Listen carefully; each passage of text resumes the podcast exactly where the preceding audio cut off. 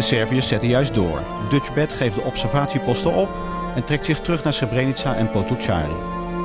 Het handjevol inwoners wil de Russische leider eren.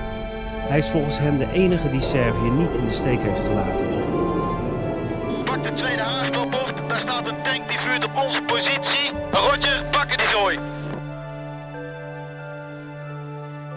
Welkom bij aflevering 33 van Albanië tot Zwitserland. In deze serie kruisen we heel Europa door en dat doen we op alfabetische volgorde. Vandaar dat het in deze aflevering de beurt is aan Servië. Even de graaf, historicus, welkom. En het, natuurlijk beginnen we dan bij uh, Kosovo Pooien, de slag om het Meelveld. Hè? Ja, 28 juni 1389. Dat is uh, ja, een gebeurtenis geweest, zo dramatisch voor de meeste Serven. Een dag alsof het gisteren gebeurd is. Een dag van nationale rouw, want toen verloor het Servische leger en ook Hongaren, Bosniërs, Bulgaren, Albanese, ja, die verloren in de vernietigende slag van de Ottomanen. En dat betekende echt een eeuwenlange onderdrukking en overheersing vanaf die periode door de Ottomanen op de Balkan. Van 1389 kun je rustig stellen tot aan het eind van de Eerste Wereldoorlog 1918 toe. En uh, het was een zwarte bladzijde in hun geschiedenis. Kosovo-Pol, je zegt het al, uh, veld van de zwarte vogels betekent dat letterlijk. Een zwarte bladzijde. Ja. dramatische gebeurtenis wat bij ons 4 mei is, maar dan nog vele maten erger bij uh, de Serven. Ja, en het is ook echt een, een, een, een- de, de, het begin van de mythische geschiedenis van Servië. Hè? Van, van met prins Lazar en alles wat erbij hoort. eh, Tot de dag van vandaag een, een belangrijke... En dan nog eens een keer verstevigd ook door die aanslag op 28 juni 1914. Ook eh, toen daar eh, op diezelfde dag, wat ook een doornend oog was natuurlijk van eh een principe, dat daar een eh, troepeninspectie zou gehouden worden door de troonopvolger van Oostenrijk-Hongarije. Ja. En Daar begon de oorlog, hè, de Eerste Wereldoorlog. Ja, daar komen we straks uitgebreid op. Ehm, de Serviërs die vallen daarna dus onder Ottomaans gezag, eeuwenlang. En we hadden met Roemenië op dat ze best wel wat autonomie hadden. Ja, de Serviërs hebben het echt eh, zwaar te verduren gekregen. hè? Klopt. Eh, heel veel van die Serven hebben toen nog geprobeerd te dansen ontspringen. Die zijn letterlijk gevlucht naar Hongarije. Velen hebben zich gedwongen bekeerd tot de islam. Ze moesten zware belastingen betalen. Ze werden uitgebuit, de boerenbevolking. Wat wij hier in de middeleeuwen kennen, werd daar compleet weer opnieuw eh, opgevoerd, ook door de Turken. Ze werden gewoon als slaven werden ze eigenlijk behandeld door eh, de Turken en Ja. onderdrukt op het leven. Tweede rangs burgers. Ehm, dan in- is het in de 19e eeuw, hè, na 500 jaren overheersing, dat, dat, de Serv, dat Servië wel iets meer autonomie krijgt. Hoe kwam dat precies? Ja, met name de Serven, orthodoxe christenen zijn dat, hè, die kwamen in opstand tegen de sultan. En eh, je had een groep, de Janitsaren, daar hebben we het al eens een keer eerder over gehad ook, eh, dat was een elitekorps. Dat waren vaak eh, mensen die weggeroofd waren uit de bezette gebieden en die kregen een hele zware specifieke opleiding. En dat waren dan de lijfwachten. Zoiets wat de SS voor Hitler was, dat waren de Janitsaren voor de sultan van het Turkse Rijk. En die kwamen in opstand ook vanwege het feit dat ze slecht, toch weer vonden, slecht behandeld werden. En er was er ook nog eens een keertje, heel opvallend, een charismatische boer. Die heette, als ik het goed uitspreek, Karare Dorde Petrovic. Dat was een varkensboer. Dat was natuurlijk helemaal een doodzonde in de ogen van de islam. Dat je varkens durfde te houden. Iets eh, wat eh, absoluut niet door een islamiet gegeten mag worden, varkensvlees. En die leidde toen de opstand. En het gevolg was dat er na meerdere opstanden in de periode 1813 tot 1834... dat de Servië toch wist te bewerkstelligen dat ze een zekere autonomie van de sultan kregen. En eh, dat leidde ook weer tot een groeiend Servisch nationalisme. En ik vertelde het al, 1813, 1830, 1848 zie je dat in heel veel Europese landen de kop opsteken. Ja, en dan maken we een sprongetje eh, naar de Balkanoorlogen, ehm, begin eh, 1900. Dat, eigenlijk nemen dan de Balkanlanden, waaronder ook Servië, nemen het op tegen, eh, tegen het Ottomaanse Rijk. Klopt. Ehm, waarom deed Servië dat? Wat, wat, wat wilde het bereiken? Ja, natuurlijk ook eh, zeggenschap over de eigen gebieden. En eh, dat is een oorlog geweest die eigenlijk in eerste instantie opgestart is door de Bulgaren. De Eerste Balkanoorlog van 1912. En aan de zijde van de Bulgaren vochten ook heel gretig eh, de Serven mee en de Grieken en eh, de Montenegrijnen. En die hebben toen de Turken eh, vernietigend verslagen. De Turken moesten Kosovo en Montenegro afstaan, dat soort dingen meer. En de Bulgaren eisten de grootste buit op. En dat wekte weer wrevel bij de andere landen. En die hebben toen heel kort na de vrede hebben ze een nieuwe oorlog ontketend in 1913, de Tweede Balkanoorlog. En daar nam Servië het voortouw. En die probeerde toen dus inderdaad de Bulgaren, die veel te veel grote gebieden hadden opgeëist, om daar weer eh, grote brokken van terug te veroveren. En die kregen toen de steun van Griekenland, Montenegro en twee landen die ook meededen aan de kant eh, van eh, de Serven. Roemenië, die had de Eerste Oorlog nog niet meegedaan. En ook Turkije, die dacht, misschien kan ik weer wat verloren gegaan Ja. niet herwinnen op de Bulgaren. Ja, opvallende oorlogen zijn dat. Ja. naastgelegen Bosnië, daar hebben de, de Oostenrijkers, eh, ehm, die hebben, dat hebben de Oostenrijkers ingenomen. Ehm, dat was echt een, een doorn in het oog van, eh, van Servië. Eh, vooral ehm, van de bende van de Zwarte Hand. En, ja, en je noemde het net al, maar ehm, er was ook een eh, man, Gavrilo Principe, hè, die, Ja, eh, ja. eh, dat had hij waarschijnlijk niet helemaal verwacht, maar een wereldoorlog heeft ontketend. Klopt.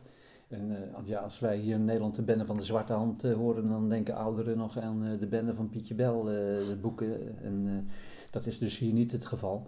In 1908, je zei het al, werd Bosnië ingelijfd door Oostenrijk-Hongarije. En dat was een doorn in het oog van de nationalisten, met name de Bosniërs. En die vonden dat dat absoluut niet mocht. En toen is er een, een, groep eigenlijk ja, van de illegaliteit, zou je kunnen zeggen, opgericht onder leiding van een zekere Dragutin Dimitrijevic. Die heeft geleefd van 1876 tot 1917. En eh, die was ook betrokken bij een staatsgreep tegen eh, de koning. Dat boek van de slaapwandelaars, dat begint echt met die aanslag op die eh, koning Christopher Clark. Werkelijk, het huis op Brinovic werd toen uitgemoord. Verschrikkelijk aangrijpend geweest. Maar daar was die Dimitrijevic bij betrokken. Dat was de oprichter van de Zwarte Hand. En die had maar één eigenlijk wens. Dat was natuurlijk Bosnië onafhankelijk maken. En dat het niet en door de Turken en ook niet door de Oostenrijkers onderdrukt worden. Zelfstandigheid, dat wilden ze. Ja, en dan wordt dus Frans Ferdinand eh, eh, vermoord door Gavrilo Principe, eh, de aartshertog van, van Oostenrijk. De Oostenrijkers reageren echt furieus en ja, die stellen Servië een ultimatum waar ze eigenlijk nooit aan kunnen voldoen. Hè? Ja, klopt. Eh, inderdaad, uh, Caravilo Principe, een Bosnier, die werd eh, met een groep van een aantal eh, eh, vrienden werd hij daar naar toegezet, eh, toegestuurd naar Sarajevo om daar de aanslag te plegen. En dat gebeurde dus op 28 juni 1914. Eh, er waren al eh, twee pogingen gedaan die mislukt waren op die dag. En eh, eigenlijk eh, had eh, ja, de chauffeur van eh, de auto van de troonvolger Frans Ferdinand een verkeerde afslag genomen. En men zegt wel eens een keertje heel ja, beeldend.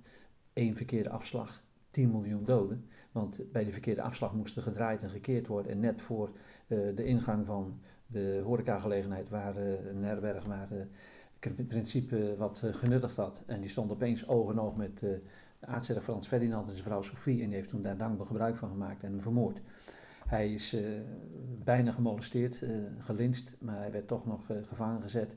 En is toen uiteindelijk op het eind van de Eerste Wereldoorlog is overleden in Theresienstadt, de beruchte gevangenis van de nazi's ook in uh, Tsjechoslowakije.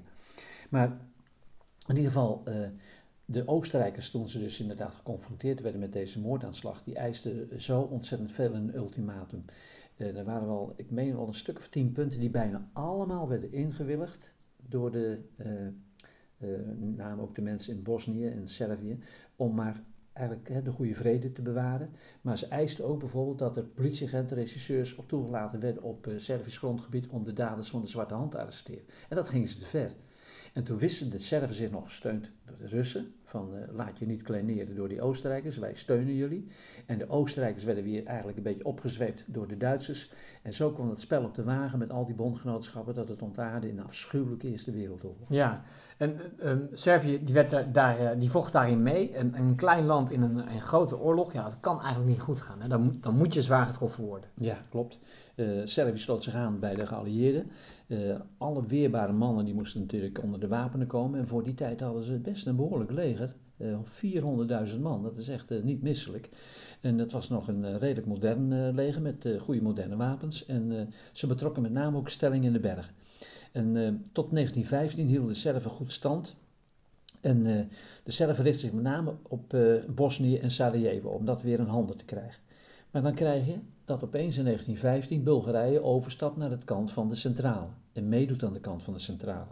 En dan hebben ze dus te maken met en Oostenrijkers en met Bulgaren en ook nog eens een keertje met de Turken. En dat betekent natuurlijk voor de Serven echt uh, hele grote nadelige gevolgen. Want tegen die overmacht konden ze niet op. En zelfs Belgrado werd toen ook bezet. Uh, en uh, grotendeels ook veel, dat veel Albaniërs nog grotendeels konden vluchten naar Albanië toe. Maar het was echt een ja. hele penibele situatie in Servië toen. Ja, zwaar getroffen dus. ja.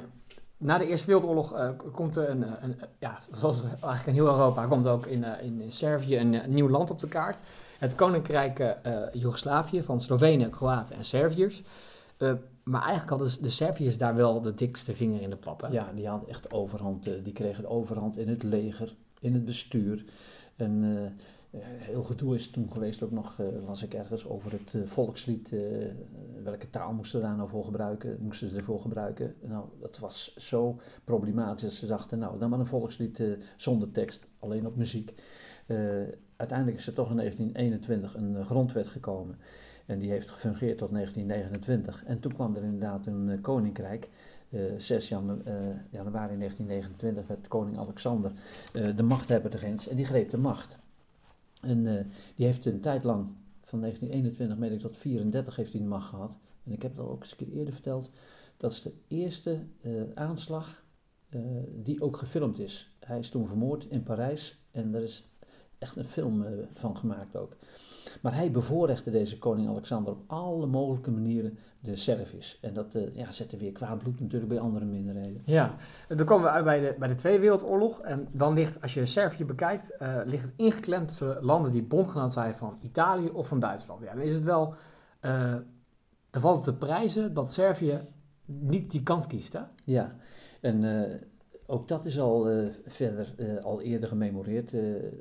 Wezen, toen Mussolini van plan was om eh, Griekenland te veroveren, hij had al een inval gedaan in Albanië, eh, dat lukte totaal, die kwam niet van de grond. Dat eh, Italiaanse leger stelde niks voor en toen moest inderdaad Hitler met zijn troepen de, uit, de aanval op eh, Rusland uitstellen. Die heeft toen eerst in het eerste halfjaar van 1941 hebben ze troepen naar de Balkan gestuurd om eh, Mussolini te assisteren.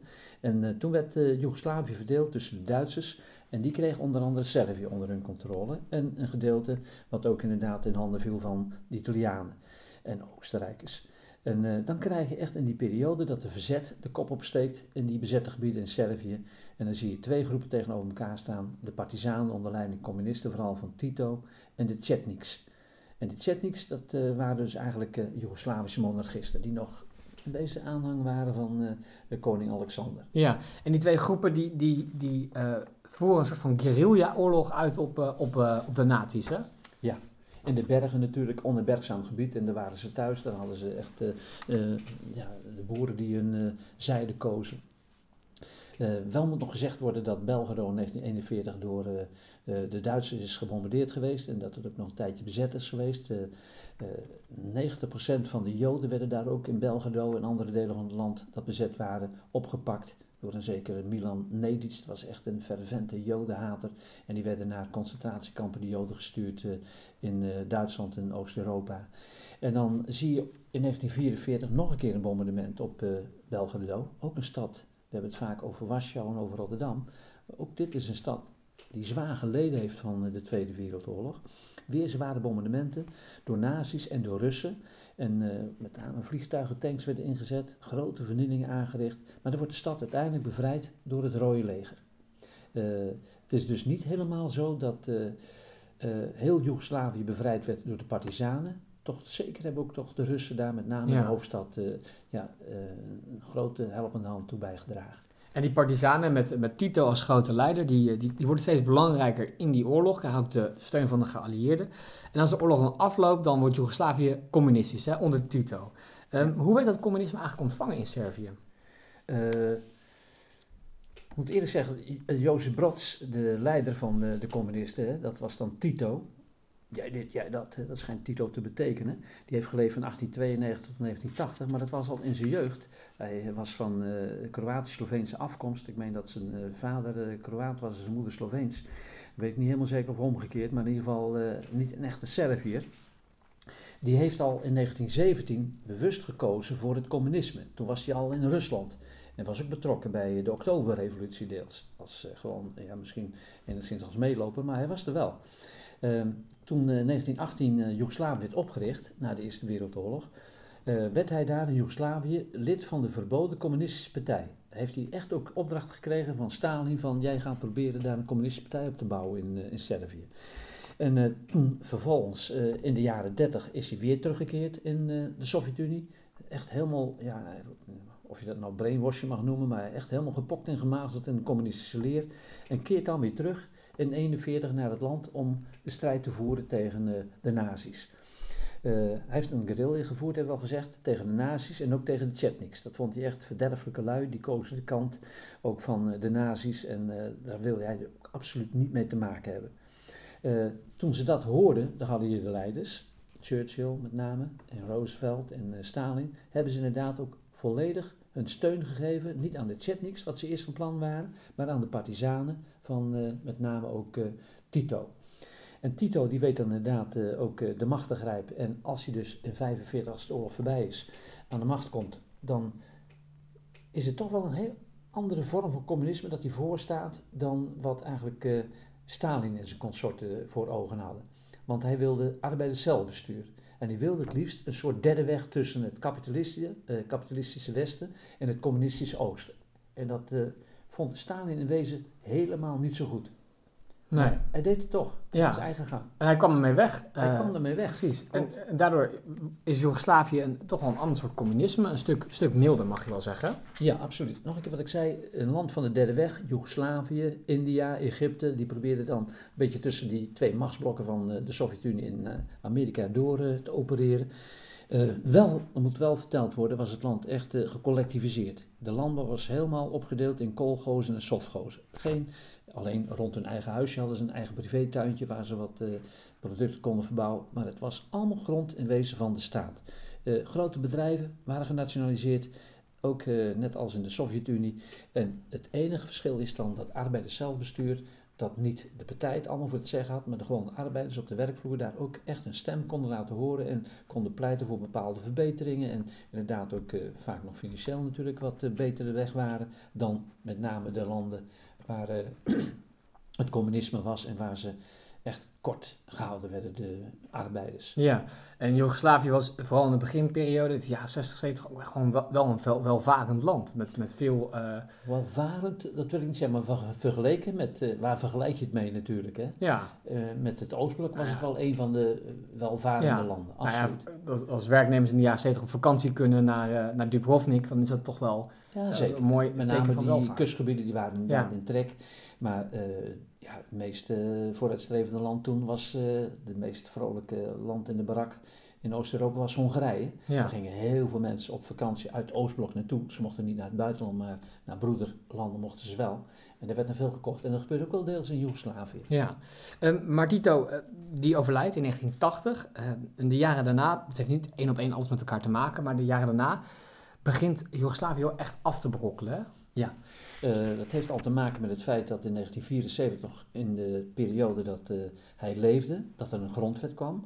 En uh, besluit stond daarin, dat was genomen, dat het land decentraal bestuurd zou worden. Dat het echt zou bestaan door, en gevormd zou worden door zes deelrepublieken. Servië, Montenegro, Kroatië, Slovenië, Bosnië-Herzegovina en een soort aparte status voor Macedonië. En dat heeft ertoe geleid natuurlijk dat het toch al een beetje begon te kraken, dat systeem. En als je nog eens een keertje ziet dat op het eind van de jaren 80 overal in Oost-Europa mensen in opstand kwamen tegen de communistische partijen, dan is het eigenlijk best te verklaren dat na de val van het communisme in 1989, dat dat grote scheuren opleverde ook in Joegoslavië. Ja, en, en, dan wordt ook de politicus Slobodan Milosevic steeds belangrijker. Hij komt op voor de Servische belangen, ook voor de uh, Servische belangen in de andere landen waar een Servische minderheid woont. Hoe deed hij dat? Ja, Slobodan Milosevic die is geboren in 1941, overleden in Scheveningen in 2006. Hij was eigenlijk een Montegrenijn. Uh, allebei zijn ouders ook zo heel triest. Uh, heeft een keiharde jeugd gehad. Die hebben zelfmoord gepleegd en opgevoed in een uh, ja, vreugdeloos, liefdeloos gezin, pleeggezin.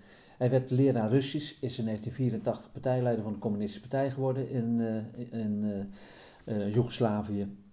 En hij was in het begin zelfs een tegenstander nog van de Servische nationalisatie. Maar later heeft hij toch inderdaad na een bezoek aan Kosovo 1987, dat is echt een soort uh, ja, keerpunt geweest in zijn leven.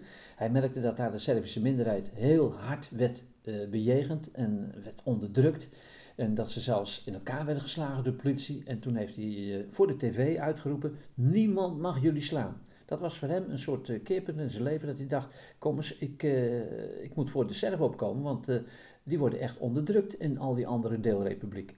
En dan op 28 juni 1989, ja, die herdenking van de slag op het Merelveld waar we mee begonnen, hij hitst die Serven op dat ze de macht moeten grijpen. Op die bewuste dag kiest hij er bewust voor in 1989, 600 jaar na dato, dat ze voor hun eigen nationaliteit en voor hun eigen belang moeten opkomen, in welk land ze ook leven. Ja, en dat zijn eigenlijk de eerste echte nationalistische eh, geluiden in, in, een, in een voormalig communistisch land. Hè. Het is nog communistisch, maar dat is echt nationalistische geluiden die daarvoor eh, onder Tito echt verboden waren. Ja, waren verboden inderdaad. En eh, nog een keer, ja, Tito was er al niet meer, tien jaar, en eh, daar heeft hij dankbaar gebruik van gemaakt.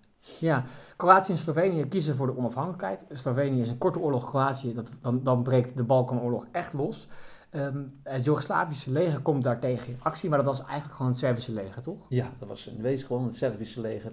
eh, onder leiding van, eh, ja, die kennen we ook allemaal, Mladic natuurlijk, die een grote rol heeft gespeeld.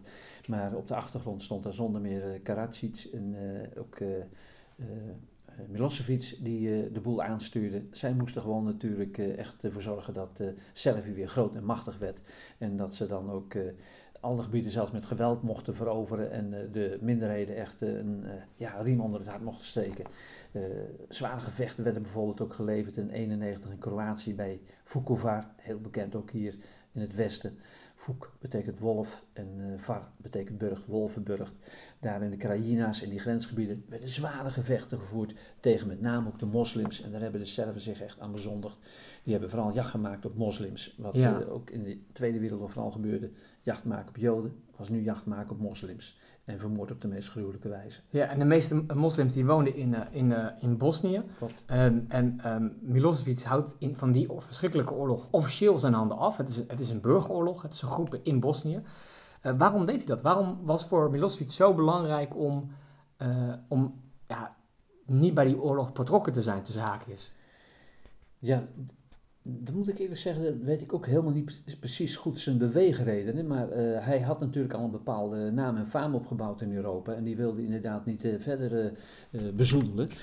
Heeft, op de achtergrond heeft hij de boel zonder meer aangestuurd. Daar ben ik van overtuigd. En eh, die oorlog begon in 1992 en die heeft geduurd tot 1995.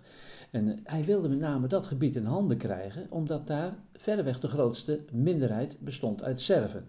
En eh, toen daar ook een referendum werd gehouden op 29 februari 1992, eh, waren met name de Bosnische Serven fel tegenstander van een eigen republiek. Eh, en, of eh, f- fel tegenstander van het feit dat ze geen onafhankelijkheid kregen. En ze wilden juist een eigen republiek stichten. En dat werd de Republiek Srpska. Dat betekent gewoon eigenlijk Servië al. En dat heeft ertoe geleid dat dat natuurlijk niet gepikt werd door de anderen. En dat Ja. heeft eh, ja, duizenden doden eh, opgeleverd. En tot de dag van vandaag is Bosnië opgedeeld in een Servisch en een, eh, en een eh, Bosnisch deel. Ja. Ehm, uiteindelijk worden de vrede getekend, de vrede, de- het eh, Dayton-akkoord. Eh, Ja. in, eh, in Dayton, in Ohio. Ja. Ehm, Maar ondertekend in Parijs weer. maar ondertekend in Parijs, Ja. precies. Dan is er ook nog de situatie met Kosovo. Eh daar begonnen we al over, hè, Kosovo-Polje, toch het, het, ja, het begin van de mythische geschiedenis van Servië. Maar ook in, daar breekt in 1998 de oorlog uit. Waar ging dat precies om? Ja, die woedde van 1998 tot 1999.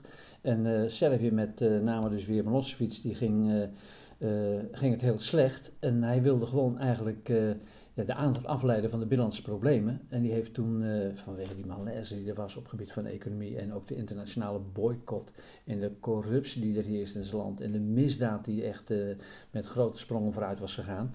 eh, dat eh, veel Serven eigenlijk van hem af wilden. En om die onrust en onvrede eigenlijk te bestrijden stortte zich gewoon in het buitenlands avontuur met deze oorlog in 1998 tot 1999. En toen met name daar in Kosovo een Kosovaars, be, een Kosovaars bevrijdingsleger werd eh, opgericht, UCK, eh, en, de op, eh, en de wapens opnam tegen de Serven, dat was voor hem de gelegenheid om te laten zien dat de Serven nog wel degelijk meetelden. En toen is dus die ja, eigenlijk oorlog uitgebroken, puur eigenlijk als bliksemafleider van Ja. de binnenlandse problemen die er waren in zijn eigen land Servië. En de UCK die kreeg de steun van de, van, de Verenigde Staten, kregen zelfs wapens, al dat soort dingen. En de Serven hebben daar werkelijk ook heel bruut geweld. Eh, ik heb al verteld in 1999, een klein dorpje, dat zo op één dag meer dan 400 eh, moslims werden vermoord op de meest brute wijze, zonder dat er een directe aanleiding voor was. Alleen maar omdat ze dus de moslims haten. Verschrikkelijk is dat geweest. Ook de VN begon zich ermee te bemoeien.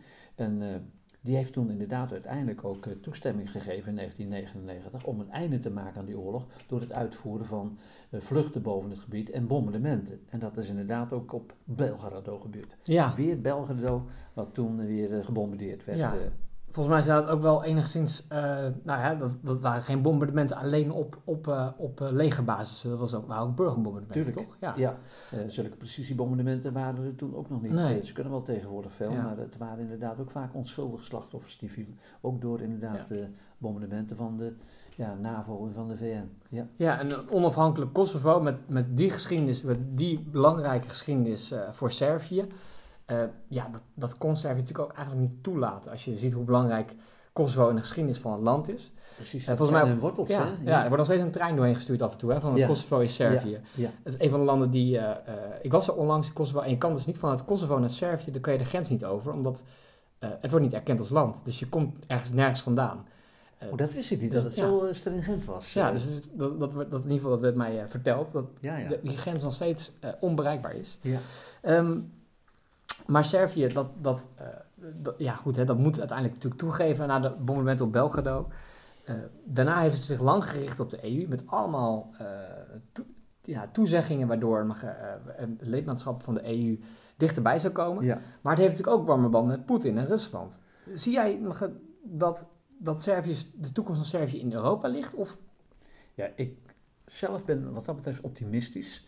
Ik denk dat de toekomst van Servië toch wel meer op Europa gericht zal zijn dan op eh, eh, Poetin. Maar ja, eh, het is vaak hele duistere politiek die er achter de schermen gevoerd wordt, waar je weinig zicht op hebt. En aan de andere kant weten we ook, dat hebben we in al de verhalen die we al hebben langs zien komen, dat met name Poetin en de Russen hun begeerig oog op de Balkan hebben geslagen. En ook op Servië, dat vinden ze, dat is een broedervolk. Ja. Dat is al de geloof enzovoort. En daar de meerderheid die christen is en geen, niets heeft met de islam, dat vind je heel sterk. Maar zelf denk ik, en als ik de kranten goed lees, dat eh, de, met name de jeugd in dat land toch wel bewust wil kiezen eerder voor Europa, de Europese Unie, en eh, natuurlijk met al zijn rijkdommen, dan voor Rusland, waar eh, toch op het ogenblik ook heel grote problemen zijn vanwege de boycotts eh, Ja. tegen dat land. En, maar het kan ook zomaar een sterke bondgenoot worden. Je weet het, Ja, je weet het nooit in de geschiedenis. de En, helemaal wat niet op dat de Balkan. Ja. Bedankt voor deze uitleg over Servië. Graag gedaan.